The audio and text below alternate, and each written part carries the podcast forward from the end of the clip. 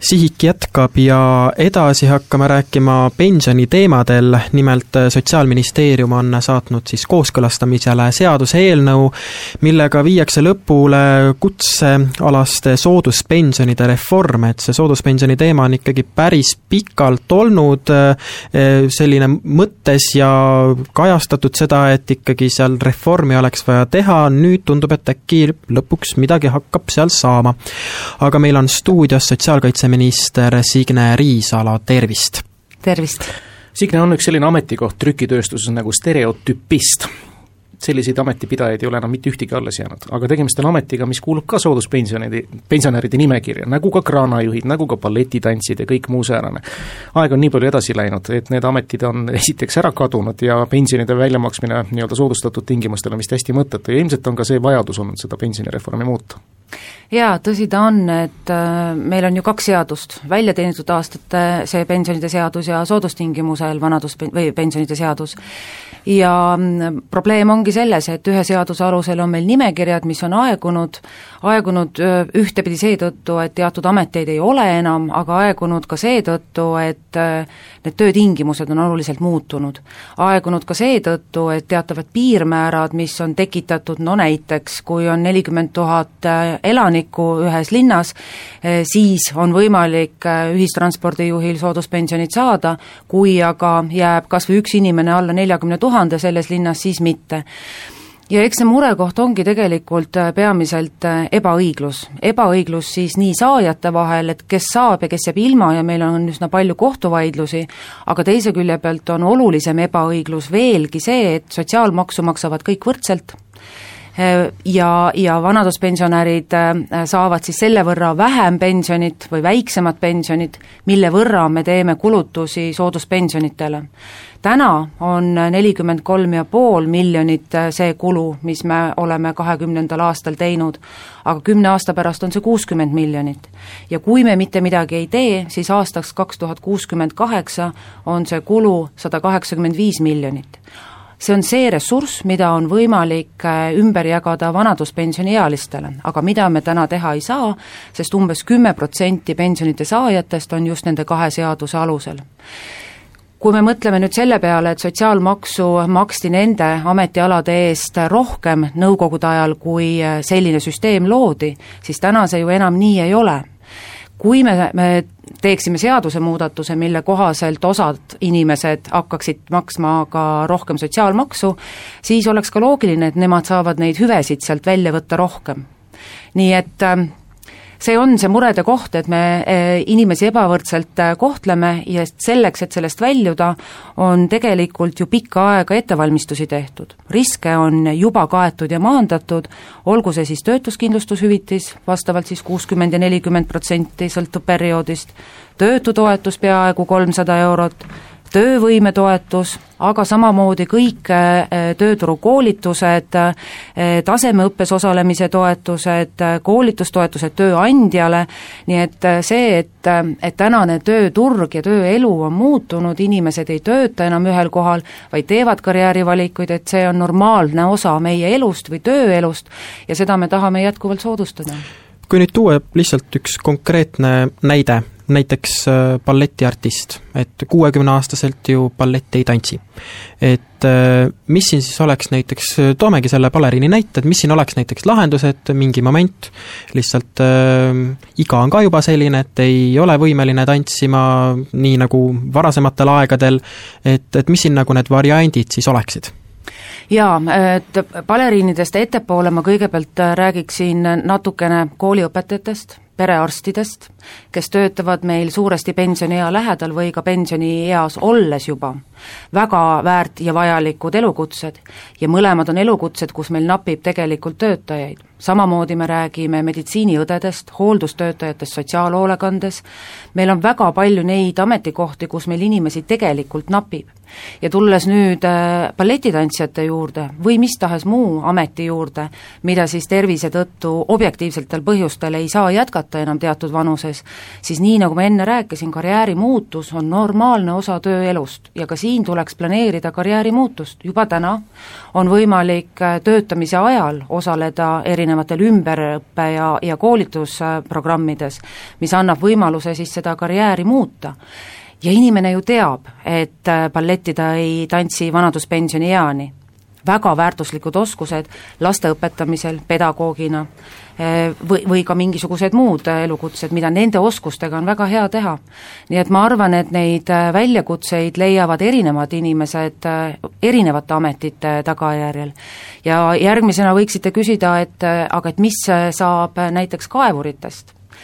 Ida-Viru on äh, see piirkond, kus meil circa kolmandik äh, sooduspensioni saajaid tegelikult on ja suur hulk nendest on kaevurid ja keemikud, aga kui me mõtleme äh, rohepöörde peale, kui me mõtleme nende sadade miljonite peale, mis lähematel aastatel hakkavad ka Ida-Viru piirkonda minema,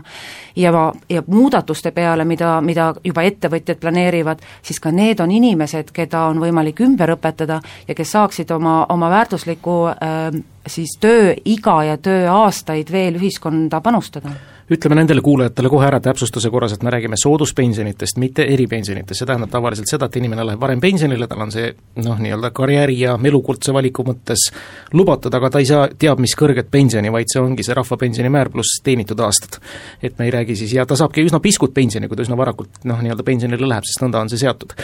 ja ma saan aru, et loomulikult täna me ei tohi juba nendel erialadel töötavate inimeste õigusi petta ja nemad saavad siis jätkata kuni aastateni kaks tuhat kolmkümmend pisema staažiga nõudmise puhul ja kahe tuhande kolmekümne kuuenda aastani, et nemad ei pea südant valutama selle pärast, mis pärast nende karjääri lõppu saab? jaa, kindlasti mitte, ei ole neil tarvis südant valutada, sest läbirääkimiste käigus äh, esialgne plaan oli mõnevõrra varasemalt äh, neid muudatusi rakendama hakata, aga just äh, ametiühingutega suheldes, kõikide erinevate ametiühingutega suheldes me jõudsime siis selle kompromissini, et kuni aastani kolmkümmend on siis väiksema staaži korral võimalik äh, koguda äh, veel äh, tööaastaid ja aastani kolmkümmend kuus siis pikema staaži korral neid tööaastaid koguda. aga ka peale neid aastaid ei lõpetata siis sooduspensionite väljamaksmist ja määramist. nii et